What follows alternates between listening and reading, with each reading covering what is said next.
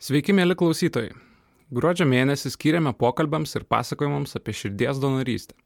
Tuo tarpu šį kartą kviečiame pažvelgti į paprastai už uždarų durų liekančią donorystės pusę ir iš arčiau susipažinti su pilkaisiais medicinos kardinolais, kurie negana to, kad kritinėse situacijose kasdien gelbsti žmonių gyvybės, dar imasi vienos subtiliausių ir atsakingiausių užduočių - kalbėti su galimo donoro artimaisiais ir klausti, ar jie sutinka dovanoti jo organus. Šiandien ir nutiko tai tinklalaidėje su gydytoja anesteziologė, reanimatologė Dovilė Lukminaitė kalbamės apie smegenų mirtį, kurią vilties vis dar neišsižadantiems artimiesiems neretai būna itin sunku suprasti, bei mėginame suvokti, kaip pavyksta parinkti tinkamus žodžius, juos guodžiant bei skatinant priimti tokį sprendimą, dėl kurio vėliau netektų gailėtis. Vis dėlto ir pati Dovilė pripažįsta, kad nežinia kaip reaguotų, jei neturėdama dabartinių žinių būtų kitoje barikadų pusėje. Juk tokioje situacijoje vadovaujamasi anaip tol neracionalių mąstymų, o emocijomis. Galbūt šis suvokimas ir padeda šią sunkę akimirką atrasti žmogišką ryšį su donoro artimaisiais, galinti padėti pasijusti suprastiems ir pastumėti juos padaryti galbūt kilniausią poelgį gyvenime. Mhm. Na, va, gerai, dabar galim dar ką nors. Kartą, kažkaip dar baisiau žandai kaista, burna džiūsta, o kriterininė sistema kitai įsijungia visai. Kaip baisu. Gerai, tai galim iš tikrųjų gal ir pradėti po truputį. E, tai kaip ir minėjau anksčiau, ar prieš pokalbį, kad vienas iš mūsų šios tinklalaidės tikslų yra galbūt ne tik e, kaip įmanoma plačiau aptarti pačią donorystę ir transplantaciją organų, bet taip pat ir pristatyti tuos gydytojus, kurie taip pat dalyvauja tame procese ir, ir, ir yra lygiai taip pat svarbus, e, tačiau jų veiklos e, atgarsių ar kažkokių tokių išraiškos formų tarsi viešumoje beveik negirdėti. Man atrodo, dauguma žmonių tarsi ir įsivaizduoja, ką veikia anesteziologai ir animatologai. Akivaizdu, kad būtent jie gelbsti žmonės kritinėse situacijose, tačiau viešoje erdvėje informacijos apie juos tikrai dažnai trūksta. Tai pirmas klausimas ir būtų, koks tai darbas, kodėl pasirinkot būtent tokią profesiją? Labai geras buvo pastebėjimas, kad galbūt priešingas pastebėjimas, kad žmonės žino, ką daro anesteziologai, reanimatologai, iš tikrųjų jie nežino. Dėl to, kad kai reanimatologas arba anesteziologas padaro savo darbą, jis dažniausiai tą pacientą perdoda kitam specialybiniam daktarui, tarkim, ten po infarkto atiduoda kardiologui, po operacijos atiduoda chirurgui toliau prižiūrėti. Ir iš tikrųjų žmogus, nu, didelė dalis žmonių nežino, kas mes tokie esame. Mes esame tokie tarsi pilkiai kardinolai, kurie dirba už uždangos, dirba kitų gydytojų šešėlyje. Nu, bet mes vis tiek esame reikalingi, nes be, be šitų žmonių, anesteziologų, reanimatologų, tiek chirurgijos, tiek kitų sunkių specialybių nebūtų. O kas tada, tada jeigu, pažiūrėjau, kad visi suprastų, kas yra tas anesteziologas ir reanimatologas, ką jis būtent daro e, visame tam tai operacijos ir kitose. Tai yra tarsi tokia dviguba specialybė. Anesteziologas, brūkšnelis, reanimatologas. Taip pat kaip ir minėjote, anesteziologas tai yra tas, kuris e, mygdo žmonės operacijų metu. Ne tik mygdo, jisai nuskausmina, nes mūsų tikslas yra nuskausminti, kad nebūtų skausmingos operacijos procedūros. O tas ta antra dalis, reanimatologas, tai yra tas gydytojas, kuris būna prie paciento pačią sunkiausią jo akimirką. Ištikus kritiniai lygai, ištikus staigiai, staigiai mirčiai, įvykus dideliai traumai, įvykus infarktui, insultui, tai yra tas žmogus, kuris būna esant pačiai baisiausiai situacijai. Tas visas gyvenimo trapumas, ko gero, jokioj kitoj specialybėj, ko gero gydytojų taip nejaučiamas. Ar teisinga būtų taip spėta? Teisinga.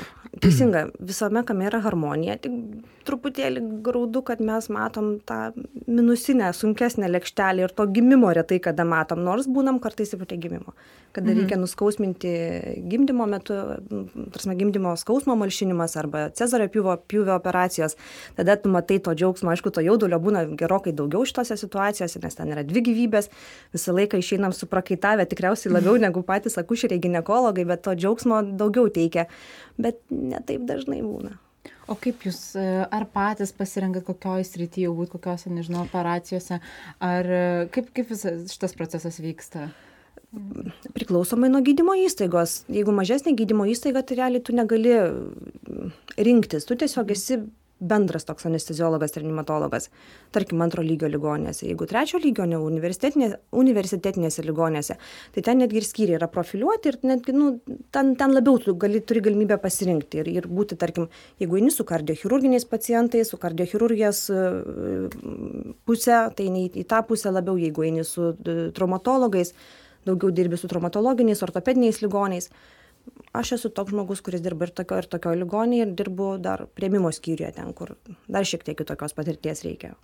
O kaip e, visas tas kelias atvedė iki donorystės kad ir kad ir apie tai e, kalbat su artimaisiais kad dalyvaujat tame procese? Mūsų specialybei tas priklauso. Mhm. kada pacientas pakliūva į reanimaciją nesvarbu antro ar trečio lygio maža ligoninė ar didelė ligoninė ir įvyksta tas kas įvyksta tarkim smegenų mirtis tu esi priverstas nes niekas kitas nekalbės. Nekalbės chirurgas nekalbės kardiologas nes jie nėra tuo metu gydantys gydytojai. Mhm. pacientas tuo metu guli reanimacijoj ir tu kalbi įvykus tokiai situacijai su paciento artimaisiais. Tai čia nebūtina būti trečio lygio arba universitetinėse ligoninėse tą gali pilnai padaryti ir antro lygio ligoninėse A, tai vadinasi, čia nėra tokio kažkokio, tarkim, pasiskirstimo sąmoningo, tiesiog taip išeina kažkuria prasme. Taip, kad kritinėse situacijose būtent reanimatologai būna prie to žmogaus taip. ir jiem atitenka ir, ir, ir, ir ta tokia nelengva rolė, jo, jo, jo. kalbėti tenka su artimaisiais. Pavyzdžiui, iš artimo pozicijos, tai turbūt labai dažnai, bent aš įsivaizduoju, sunku yra jiems suprasti, kad įvyko smegenų mirtis. O taip, o taip, nes tas pacientas, tarkim, jie lankė iš vakaro, jie matė jį lygiai tokį patį kokį mato ant rytojaus ir tu ateini su ta baisia žinia nors pats pacientas jų artimasis yra visiškai niekaip nepasikeitęs jų akimis mhm. tada bandai paprastais medicin medicininiais jau prieš tai bandei bet paprastais lietuviškais žodžiais paaiškinti kuo ši diena skiriasi nuo vakar ir kaip drastiškai pasikeitė diagnozės ir pasikeitė nu, tiesiog visas likimas. Mhm. Dalis žmonių supranta, dalis žmonių da, reikia daugiau laiko, bet nu, supranta jie vis tiek anksčiau ar vėliau. O vėliau, kas yra tas smegenų mirtis, kad irgi vat klausytojai išgirs ir galvos, nu, kas tai yra? Atrodo, tiek kartų kalbėta, bet kaip taip paprastai pasakyti, gal žmonės labiau įsivaizduoja, kada yra klinikinė mirtis, ar ne, kada sustoja širdis ir žmogus viskas, širdis nedirba, jis nekvėpuoja ir tai yra lengviau suprantama mirtis, nes jinai yra akivaizdžiai matoma. Oda mėlsta, nekvėpuoja, vyzdžiai mhm. plečiasi. Mhm su smegenų mirtim yra tai yra lygiai tokia pati mirtis kaip ir esant širdies sustojimui tik tiek kad miršta pagrindinis mūsų organas miršta smegenys. Iš išorės žmogus kadangi yra palaikomas dirbtinės plaučių ventiliacijos greičiausiai ir spaudimas palaikomas vaistais tą vizualiai pamatyti yra sunkiau. Tam yra atliekami medicininiai testai atliekami fiziniai testai ir va tuos tuo tuos tų testų rezultatus ir bandai papasakoti žmogui kad šiuo metu artimojo smegenys visiškai yra nebefunkcionalios. Tiek tyrimais tiek fiziniais metodais. Kartais būna taip kad eini su pacientu artimuoju ir rodai kad žmogus nebereaguoja į nieką į skausmą į į kaip čia dar paprasčiau pasakyt vyzdžių nėra vyzdžių reakcijos nėra skausmo reakcijos nėra jokių gynybinių refleksų nėra kosulio reflekso netgi nėra spontaninio kvėpavimo jeigu jį atjungti nuo aparato mhm. jisai visiškai nebekvėpuotų reiškias jo gyvybę palaiko tiktai dirbtinės plaučių ventiliacijos aparatai kai kuriais atvejais ir vaistai spaudimui palaikyti nu, bet vis tiek tai yra žmogui labai sunku parodyti dėl artimajam tam sunku parodyti nes jis niekuo nesiskyrė nuo vakar dieną kada jisai lygiai taip pat buvo dirbtinai ventiliuojamas buvo skiriami vaistai jis lygiai buvo toks pats koks ir šiandien dieną.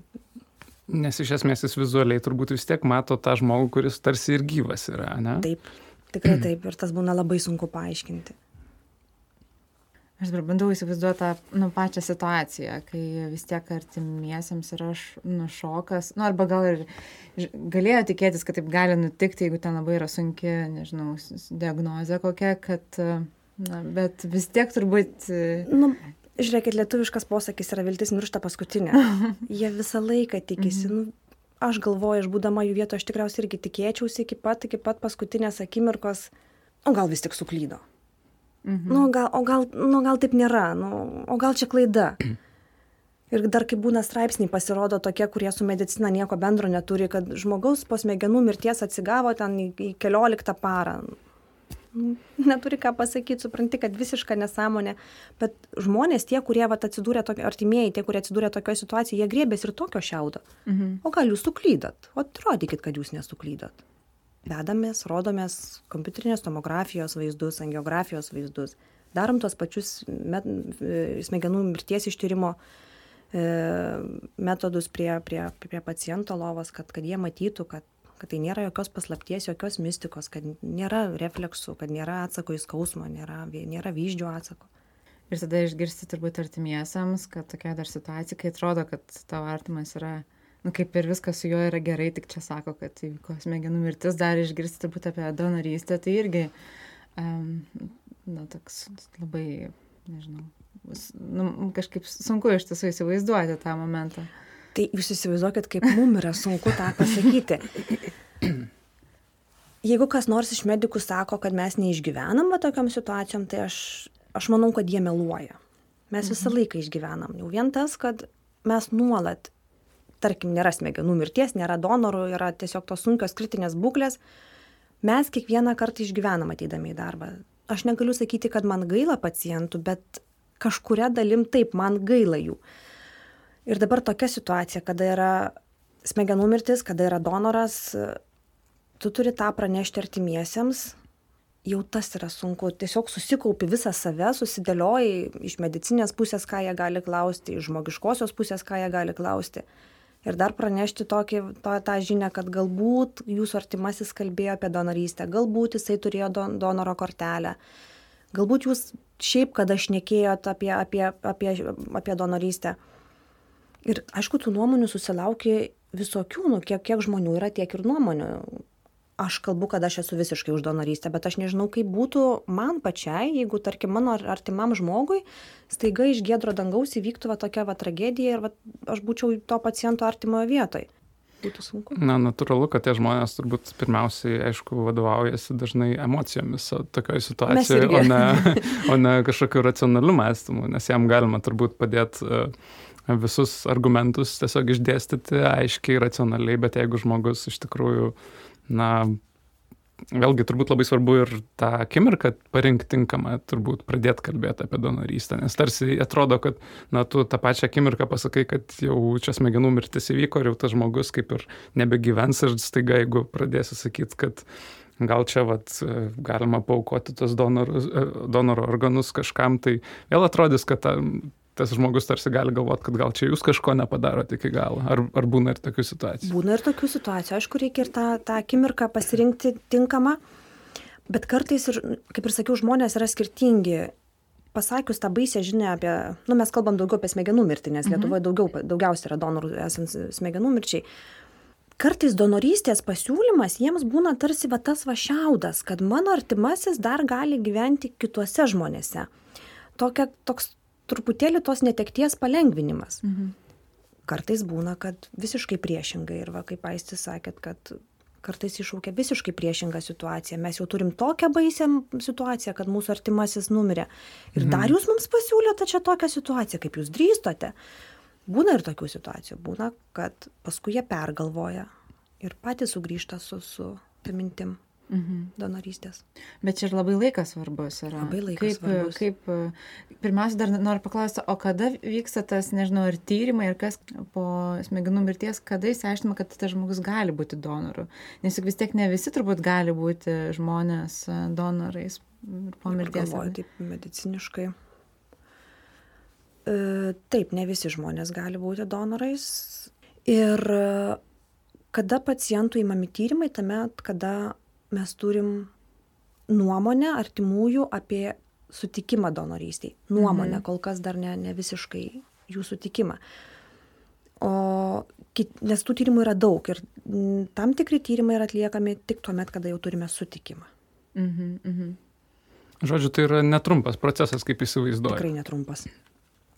Bet pabandymai, man tai labai norisi vis taip žemiškai viską pabandyti suprasti nuo to, kas yra smegenų mirtis iki, pažiūrėjau, to, tai kiek, tarkim, nu, nežinau, laiko trunka visas šis procesas. Aš turiu patirties e, daugiau antro lygio ligonė, tai yra mažo, nedideliai ligoniai, kuriai man teko daryti viską pačiai nuo A iki Z, nes mhm. vyresni kolegos ir neturėjo pakankamai žinių ir galbūt neturėjo pakankamai noro, tas visas užtruko pusantros paros ir tai yra be trukdžių. Mhm. Tai yra be trukdžių. Tai man ir teko būti ir viršvalandžius, ir nedarbo metu, ir kad padaryti darbą viską iki galo.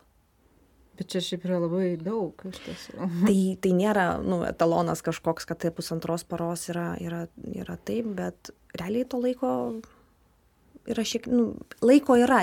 Esant smegenų mirties, e, esant smegenų mirčiai, laiko yra daugiau. Mhm. Esant neplakančio širdies donorystė, laikas sutrumpėja iki valandų, minučių, minutės, minutės yra skaičiuojamos nuo širdies sustojimo. Nes jeigu smegenų mirtis vyksta, tai galima aparatais viską palaikyti. Kad... Taip, galima palaikyti širdies e, kvepavimo funkciją dirbtinės plaučių ventiliacijos aparatais, spaudimą kelti, spaudimą pakeliančiais vaistais, kalbu visiškai tokiais nemediciniais žodžiais, kad būtų kuo lengviau suprasti. O esant, esant neplakančio širdies donorystiai, e, donorui, tuomet yra, kadangi širdis jo yra sustojus, reiškia, mes jo širdį turim palaikyti kitokiom priemonėm. Arba E, išorinių masažų arba perimti, irgi kalbėsiu paprastai, dirb, tokią kaip dirbtinę kraujotaką palaikyti tų organų, kurie yra svarbus transplantacijai, tai yra mhm. inkstų ir kepenų. Tai tas laikas, kada jie dar yra tinkami transplantuoti, yra trumpas. Mhm. Tai dėl to laikas yra skaičiuojamas minutėm ir viskas daroma labai greitai. Mes pirmam podcast'e, man rodos, kai kalbėjom su gyvastimi, minėjo apie tai, kad uh, kaip ir iš tiesų e, tas donorystės procesas būtent ir priklauso nuo reanimatologo, kad nuo jo valios, ar iš tiesų jis norės kalbėti su artimaisiais ar ne. Tai kokia čia yra situacija? Man, aš suprantu tą pasakymą, bet man truputėlį yra keista, ar jis norės. Nu, yra tam tikri dalykai, kuriuos mes privalome daryti. Mhm. Bet viskas priklauso nuo mūsų sąžinės ir nuo mūsų noro. Bet mes visi turime kalbėti, turime apie tai kalbėti galbūt žmonės su mažesne patirtim ar bijantys to proceso ir tos nežinomybės, jie to nedaro. Galbūt. Bet ar tai yra blogai? Galbūt jie neparuoš tinkamai donoro, nebus tie tinkami organai, galbūt tai vad nėra blogai tas mhm. nekalbėjimas. Mm -hmm. Bet iš kitos pusės aš manau, taip kaip mes privalome gaivinti visus pacientus, kaip mes privalome teikti būtinąją pagalbą, taip mes privalome tas, kas mums įrašyta į mūsų medicinos normas kaip gydytoja, mes turime tą daryti. Tai vėlgi dar grįžtant prie to kalbėjimo apie, apie donorystę, iš tikrųjų tai yra na, pakankamai sudėtingas uh, dalykas ir kaip patiems gydytojams sekasi su tuo susidoroti psichologiškai. kaip... Šypsosi. Garso įrašas, tai gali pasakyti, kas vyksta. Balsas iš už kadrą, reanimatologai šypsosi kaip aš ir sakiau, jeigu kas nors sakys, kad čia yra labai lengva ir, ir čia mums nekainuoja mūsų emocijų, nekainuoja žilų plaukų, tai jie meluoja, tikrai meluoja, netikėkit. Dėl to, kad kainuoja kiekvienas darbas ir toks sunkus darbas kainuoja mūsų emocijas ir mūsų smegenų lastelės. Sunku susitvarkyti, grįžti namo, paverkiu arba priešais vyrą, arba priešais veidrodį, nes dviesi verkti smagiau. Kartais verkiu su tais pačiais pacientų artimaisiais, nors kaip supranti, kad esi profesionalas ir to neturėtum daryti, bet kartais emocijos paima viršų ir nemanau, kad tai yra blogai. Mes lygiai tokie patys žmonės kaip ir jie, nes, sakau, įsivaizduoju save jų situacijoje ir pagalvoju pertimą, kad dabar mano artimas būtų jų vietoj ir braukitas ašaras kartu. Bet čia reikėtų ir vis tiek psichologinio pasirengimo šitiems pokalbėms, nu, tokių psichologinių žinių, kad kaip, kaip prieiti prie žmogaus, kaip e, papasakoti. Mokomės iš kolegų. Mhm. Mokomės iš kolegų. Aš asmeniškai esu turėjus mokymus, kuriuos rengė ispanai, kurie yra vieni pirmaujančių Europoje mhm. su donorystės programomis. Tai jų mokymai tikrai labai stiprus ir dideli ir jie, ir jie ir tą psichologinį pasirengimą padeda praeiti, bet tai mes tik tai keli žmonės iš Lietuvos važiavome tos mokymus. Iš tikrųjų mums trūksta. Mums trūksta iš tikrųjų ne tik, to psichologinio pasiruošimo kalbėti su donoru artimaisiais, bet mums patiems reikia psichologinės pagalbos mhm. po, mhm. po šitų įvykių ir po šitų atvejų. Dėl to, kad kiekvieną kartą tai būna nu, sunku emociškai, psichologiškai. Ne kiekvienas atvejis praeina kaip sviestų pateptas. Susiduri su pacientų artimaisiais, artimųjų emocijom, susiduri su jų pykčiu ir tai yra natūralu, kad jie pyksta. Nu, tok, tok, tokios gedėjimo stadijos. tada mums irgi reikia pagalbos, bet mhm. mes nesam tokie drąsūs tikriausiai, kad kreiptumėmės pagalbos į psichologus. O kaip, kaip dar yra, vis tiek matote tą pusę, kai, e, kai gali žmogus e, tapti donoru ir, ir jo artimuosius, donorų artimuosius, bet ta kita yra pusė, kur yra žmonės jau po transplantacijos. Ar tenka matyti tos kitus pavyzdžius, na, tą kitą pusę tokia? Recipientų pusę? Mhm man asmeniškai tikriausiai ir kitiems reanimatologams netenka tiek daug, kol mes neišvažiuojam į kažkokias konferencijas susijusios su donorystė mm, ar mokymus, kur, kur, kur ateina recipientai. Tai aš atsimenu, viena iš pirmųjų buvo kažkokia, man atrodo, konferencija kažkokia irgi apie, apie donorystę. Tai man labai buvo keista savo emocijų, aš netikėjau, kad aš taip verksiu. Aš tiesiog stovėjau ir taip verkiau juo žiūrėdama, aš nežinau kodėl.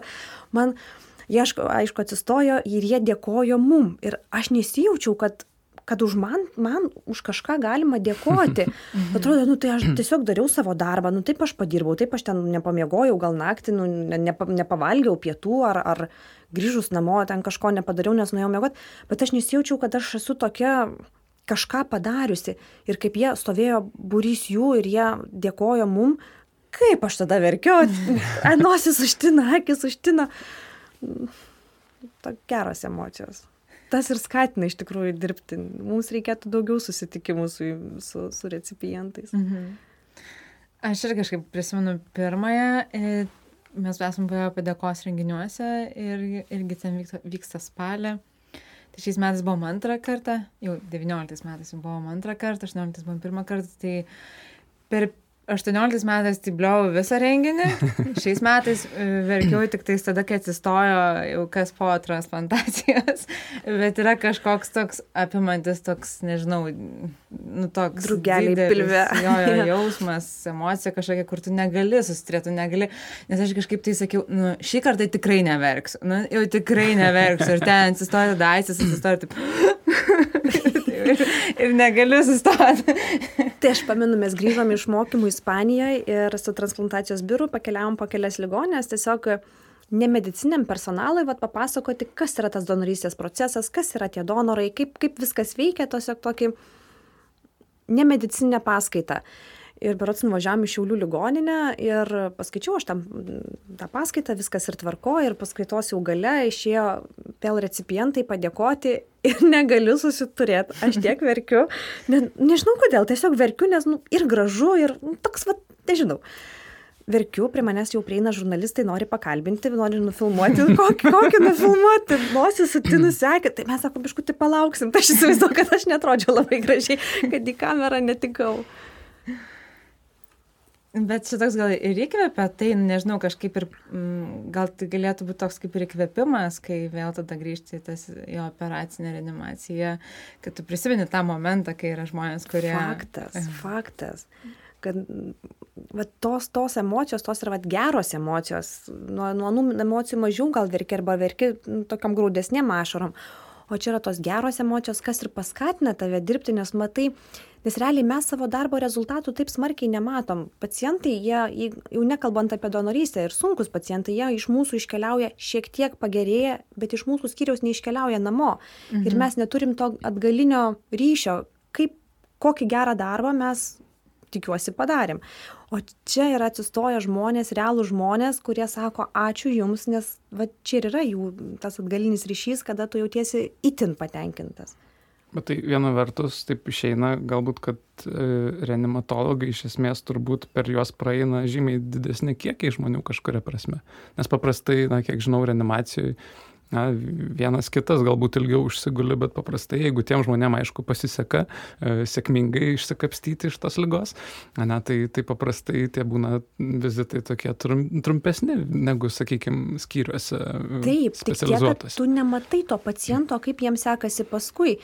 Dėl, ko, dėl to kartais būna, mes einam į kitus skyrius, pakalbinam, žinom, kad pasimė, tarkim, tą vieną ar kitą pacientą, gydyto, vienas ar kitas gydytojas ir kalbinam ir sakom, nu, kaip sekasi Petrui Petraičiui, o kaip Antanui Antanaičiui sekasi. Tiesiog, kad mes gautume tą atgalinį ryšį, kad žinotumėm, kaip, kaip jiems sekasi ir ar mes iš tikrųjų padėjom. Mhm. Nes tas labai motivuoja, geri darbai motivuoja. Aš kažkaip tai vėl nu, prisiminiau, kai Aisį iškatė transplantaciją, jau pasakė tikrai operuos ir tada aš žinojau tik vieną dalyką, kad jau kai bus reanimacijoje, tai ilgiausiai turi užtrukti iki pusantros paros, jeigu viskas gerai. ir aišku, dažnam kažkaip, kad negaus telefono nieko, bet ten, to kažkaip gauda telefoną, žodžiu, mama pasirūpino, bet, bet toks buvo, kad tai va dabar pusantros paros reanimacijų. Gerai, tai man toks užsifiksavo, kad tik tais tiek ten galima užtrukti, jeigu viskas gerai. toks laikas, kuris, kaip pasakyti, matuojamas. Uh gerumu arba blogumu. Ta prasme, mhm. jeigu jau užtruktų ilgiau, jau kažkas negero, ar ne, darosi. Aha, tai lik tokia žinutė yra, kad kažkaip tai... Bet turbūt būna įvairių situacijų. Būna įvairių situacijų. Iš tikrųjų, tas laikas, aš nu, ne, nekalbant apie donorystę ar, ar, ar transplantaciją, ar, ar, ar jis yra neribojamas reanimacijai, pacientai būna tiek, kiek, kiek reikia, bet kuo jis trumpiau būna, tuo, tuo jam yra geriau. Reiškia, jisai geriau, greičiau sugebėjo pasiekti tą būseną, kada jam nereikia tos pagalbos, intensyvios pagalbos mhm, nereikia. Mm -hmm. Tai čia greičiausiai tas pusantros paros ir yra tas, kada padeda atsigauti po operacijos. O gal dar galima plačiau apie tai, va, būtent kada nusprendžiama, kad, kad jau vienam ar kitam pacientui galima grįžti į skyrių. Čia, aišku, irgi turbūt labai uh, individualu yra nu, kiekvienos situacijos, bet, sakykime, kokie yra tie pagrindiniai kriterijai, pagal kuriuos, sakykime, jau galima spręst, kad tam žmogui tikrai kada, geriau. Toks labai abstraktus atsakymas, kada yra stabilios gyvybinės funkcijos. Iš tikrųjų nuo kiekvieno paciento individualių poreikius nu, sprendžiam pagal tai, kaip iš tikrųjų gyvybinės funkcijos, jeigu yra stabilios tiek spaudimas, tiek, tiek kvepavimas, tiek e, tyrimai prie konkrečios situacijos, tarkim, prie inkstų transplantacijos urė kretinai ir, ir, ir šlapimo kiekis, jeigu grįžta į savo, į savo ribas, ar į tas tinkamas, kur jau gali gydyti skyriuje, tiek, tiek prie kitų organų atitinkamai kiekviena, nu, prie kiekvienos patologijos. Tokio laiko, kad, tarkim, pusantros paros, tai aš manau, kad galbūt ir nėra, bet toks gal vidurkis. Mhm. Čia gal artimiesiams gal labiau reikia, nes tu nežinai, kiek ten laikys ir nežinai, ar bus kažkoks ryšys. Mums pasisekė, kad jis buvo, bet, bet aš buvau įspėta, kad galiu, tarkim, neturėti jokių žinių, mm -hmm. ten, nežinau, 3-4 dienas ir kad geriausiu atveju galiu tik paskambinti, nusižinoti, ar tikrai viskas gerai. Tai tas pasakymas, kad pusantros paros, jeigu laikys ir po to ramina. Va, tai ir sakau, kad tai yra tam tikros ribos, po kurių, kurias, kurios ramina, o paskui po kurių jau reikia truputėlį mhm. greičiausiai sunerimti. Bet tai labai abstraktu, nėra kiekvienai situacijai, kad tą patį galima pasakyti. Aha, o dar, dar truputį, jeigu grįžt prie tos donorystės, ne, kai, kai tenka kalbėti su artimaisiais, mm, vis tiek, aišku, kalbama apie donorystę, vis daugiau atrodo ir vis daugiau atsiranda visokių iniciatyvų, kurios pasisako šito klausimu. Bet vis dar toli gražu ne kiekvienas ryštasi sutikti, kad artimasis taptų organų donoru. Tai iš tikrųjų, kokie motyvai dažniausiai, čia jau iš praktikos pusės, dažniausiai paskatina žmonės pasakyti ne, ko, ko jie labiausiai baiminasi, kas juos sulaiko nuo pritarimo. Yra daug mitų apie donorystę. Vienas iš mitų, čia jau iki to baisaus atvejo, kada jau tu tampi donoru, tai yra donori, donorystės kortelės pasirašymas, donoro kortelės mhm. pasirašymas ar ne, pasiemimas. Tai kodėl jie nesutinka ir nenori to, tos kortelės pasiimti, kas tai, ką rodytų jų išraiška ir nuomonė apie donorystę. Jie galvoja, kad gavus šitą kortelę, jų kažkas patykos už kampo su kirvuku ir, ir, ir padarys donorų. Arba pakliuvus į ligoninę, jų negydys tinkamai, kad galbūt jie tada bus tinkami donorystiai nu, visiškas mitas yra. Tai vienas iš tokių, kuris jau iš anksčiau ateina. Mhm. E, kitas mitas, galbūt su religija susijęs, kad e, dievulis, kokius dievulius, dievulis mūsų kūrė, mes norim tokie ir pasilaidoti. Nors, tarp kitko, bažnyčia niekada nepasisakė prieš donorystę. Mhm. Tai aš manau, kad žmonėms trūksta tiesiog elementaraus švietimo, kad jie, jie turi žinoti apie tokius procesus, kad jie vyksta ir netgi galbūt bažnyčios reikia daugiau įtakos, kad gali tą, tą mintį paplatinti. Kitas yra labai paprastas nesutikimas, kad galvojama kad kūnas po organų išėmimo atrodys kažkaip negražiai ir baisiai Mhm. ir jie tarp kitko labai nemažai to va to pasisakymo tokio yra buvę kad mes nenorim kad jis būtų supjaustytas ar ar kažkaip kitaip nebūna jie supjaustyti tie kūnai iš tikrųjų mm, donorai su donorais elgiamasi yra labai pagarbiai visais visais atžvilgiais Mm, tiek operacinėje, kada yra eksplantuojami organai, kada yra konstatuojama, nes ten tada būna konstatuojama mirtis. Aš aišku kalbėsiu už save. Visais atvejais yra uždegama žvakė. Lygiai taip pat kaip žmogus būtų miręs nesvarbu savo lovoje, ligoninės lovoje, savo palatoje, senelių namuose ar kažkur. Tai visais atvejais yra užde- uždeg, uždegama žvakė. Kitas dalykas, e, kūnas yra susiuvamas lygiai taip pat kaip ir prie bet kokios operacijos atliekamos mhm. gyvam žmogui, būsim, tarsi, būsimam sveikam žmogui, pacientui. Tai, tai nėra, nebijosiu to žodžio, nėra išsityčiojimas iš kūno. Tai yra didžiulės pagarbos vertas žmogus. Ir važiuodama čia galvojau, iš tikrųjų dvėjojau, ar man verta važiuoti, ar man neverta važiuoti. Ir, bet paskui pasvėriau, iš tikrųjų, jeigu mes ir tie patys reanimatologai, kurie mes nesam taip gerai žinomi visuomenė, jeigu mes nekalbėsim apie tai, mes ar vengsim kalbėti, vėlgi žmonėms atrodys, kad tai yra kažkokia paslaptis, kažkokia mistika, kodėl mes vengiam kalbėti, galbūt ten kažkas vyksta, negaliu sakyti, kad nelegalaus, bet galbūt kažkas va tokio negražaus, tai aš manau, kuo mes visi, ne tik, nu, ne tik medikai, bet ir, ir, ir, ir visuomenė, kuo mes daugiau kalbėsim apie tai, tuo daugiau žmonių išgirs. Juk pažiūrėkit, yra akivaizdus pavyzdys, kada e, donorų tampa koks nors garsus žmogus. Tiek Lietuvoje, tiek ne Lietuvoje. Ir e, per visas medijos priemonės nuvilnyja ta žinia. Mhm. Iš tikrųjų, statistiškai donorų skaičius auga kurį laiką. Reiškia, mes, mūsų visuomenė ir mes reaguojame į tas geras žinias, į tas geras žinutės. Tai ir mano nuomonė būtų ta, kad mes kuo mes daugiau kalbėsim, kuo mes daugiau skleisim tą žinią, tuo daugiau žmonių apsišvies ir visuomenė nebebus tokia tamsi. Galbūt e, nereikia bėgti donoro kortelės pasiimti, nes tu gali pasikalbėti su savo artimaisiais ir tą savo žinią, žinią paskleisti ir vis tik jų sprendimas bus galutinis toj tokioj vat situacijoj lemiamoj. Tai tiek labai nedaug reikia, kad mes kiekvieną savo šeimoje pasišnekėtumėm ir žiūrėkit, kiek žmonių mes paveiksim. Mhm. O dažniausiai, kaip, pavyzdžiui, sutinka artimieji e, dėl donorystės, tai nu, čia turbūt nežinau, gal nėra tų skaičių kažkokių paskaičiavimų, bet ar sutinka daugiau tie, kurie jau žino kažką, ar, ar nebūtinai kažkaip? Dažniausiai, kad sutinka tie, kurie žino, tie, kurie kalbasi, tie, kurie bendrauja šeimose. E, arba, kaip ir sakau, po kam tam tikrų kažkokių tai įvykių. Kartais būna nesutikimų po kažkokių tai neigiamų įvykių, jeigu būna kažkas, tai, tai irgi tinkamai koreliuoja. Bet dažniausiai tai žmonės su, sutinka tada, kada jie, jie buvo tą girdėję, su jais kažkas buvo kalbėję. Dažnai būna ir tai jaunų žmonių, e, artimųjų sutikimai galbūt dažnesni, nes tie jauni žmonės jie daugiau šneka, daugiau galbūt Mhm. žino. Jau visai ir nebaisu. Na, va, kaip, kaip smagu. Tai galim tada pakalbėti čia prieš laidą, kai, kai, kai sakėte apie, apie reakcijas ir emocijas, kai pamatot situaciją. Apie kurias reakcijas? Bet šiaip, daug, nu, aš tikiu, kad labai daug emocijų užplūsta, e, kai, nežinau. e, O taip, o taip. O taip, aš, man labai daug emocijų buvo, kada aš dirbu ir nedidelėje ligoniniai.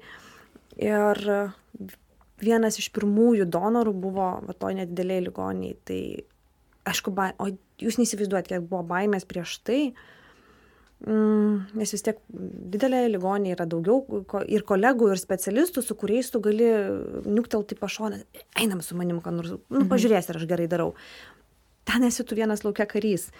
E, nu, niekada tu nesi vienas. Su tavimi yra neurologas, su tavimi yra kitas reanimatologas, bet vis tiek didesnė atsakomybė gula, gula ant tavo pečių. Mhm. Ir tuos testukus, kurie, tarkim, smegenų mirčiai reikalingi į- įvykdyti, juos reikia kel- kelis kartus padaryti, tai aš juos padariau keliasdešimt kelis kartus, kad eiti tikrai įsitikinti, kad ten yra viskas, viskas taip, kaip aš galvoju ir ne kitaip.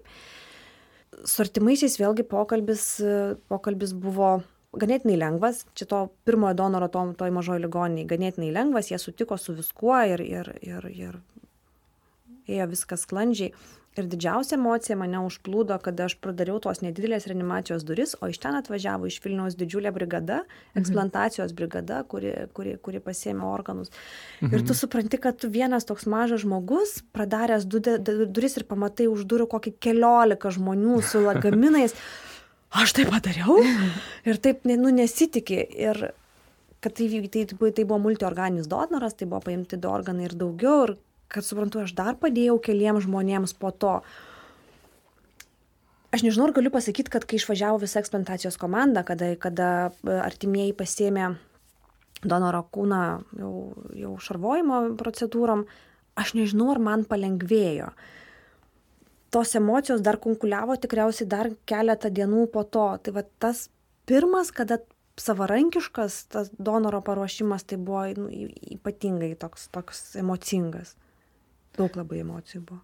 Bet čia reikėjo ir tada nuspręsti, kad aš dabar einu ir dabar tai Taip, darysiu. Aš, toks... čiup, aš čiupau šitą galimybę, kad, nes aš mačiau, kad galima padaryti ir organai mm. yra mhm. geri, ir, ir, ir žmogus yra tinkamas. Čia truputėlį gal taip labai būtiškai skamba, ar ne? Taip, nu, kad organai geri, bet tai yra labai svarbu recipientam. -hmm, taip ir aš galiu aš galiu ir man niekas netrukdo ir aš galiu tą padaryti ir aš eisiu iki galo ir taip man teko tada pasilikti darbe ganėtinai ilgai ne ne ne ne negalėjau važiuoti namo nes aš norėjau nes niekas nesutiko toliau perimti to mano to mano darbo teko pasilikti ilgėliau nesigailiu nė vienos minutės ten pasilikusi nes nežinau, kas gavo šitos organus, bet aš manau, kad aš vis tiek juos kada nors to žmonės sutiksiu. Jie dėkos ne tik man, bet ir kitiem reanimatologam ir vėl tai bus motivacija daryti tuos pačius darbus. Mhm. O būnant kažkoks netinkamas, nu, toks, nežinau, mm, požiūris gydytojų kolegų, kad kam tu čia darai, gal nereikia, e, kas čia ta donorystė, ar čia tikrai reikia, nežinau. Mhm.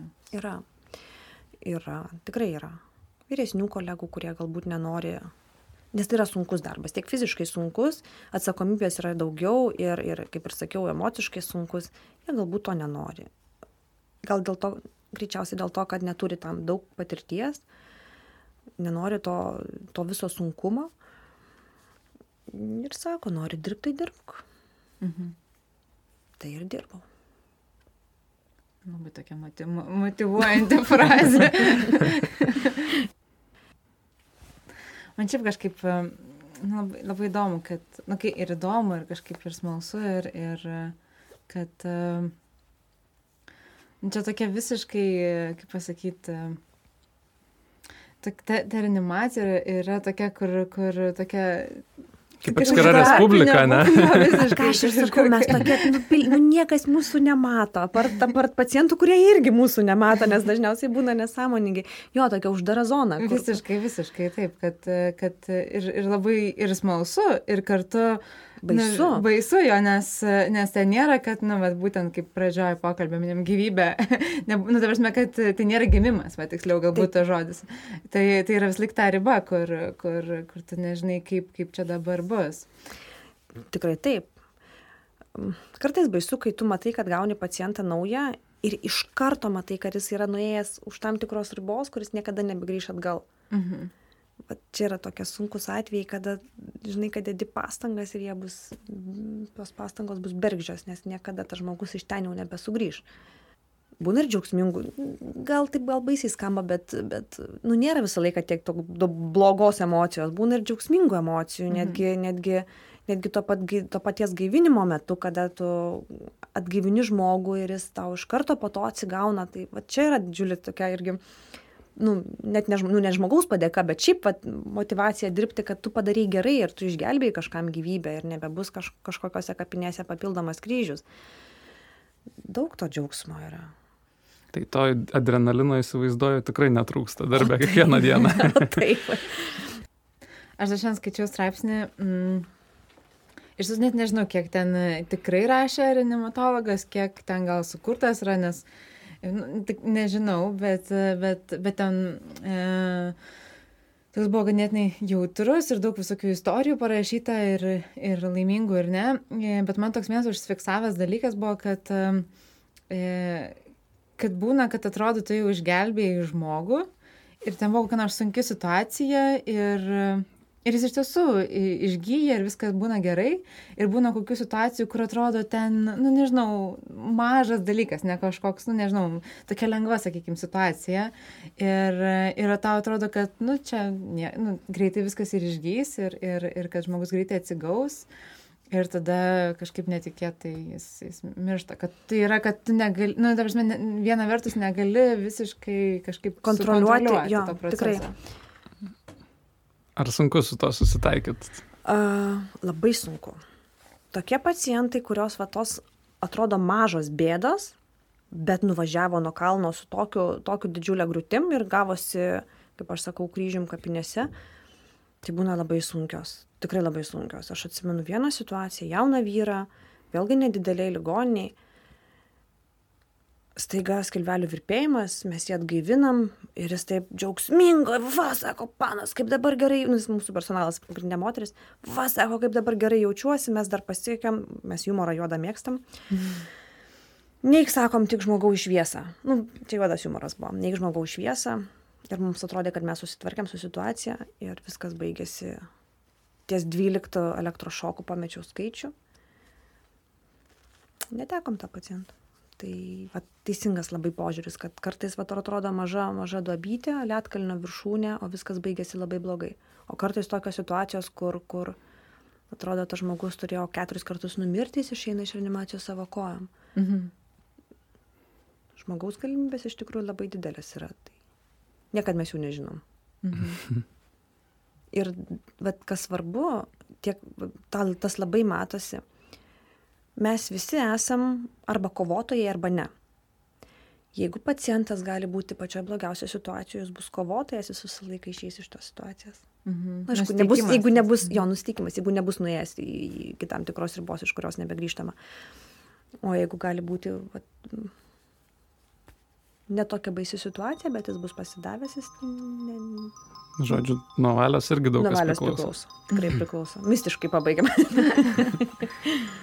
Jo, tai tada šią, šią gaidą galime pabaigti, kad, kad viskas nuo nusiteikimo priklauso.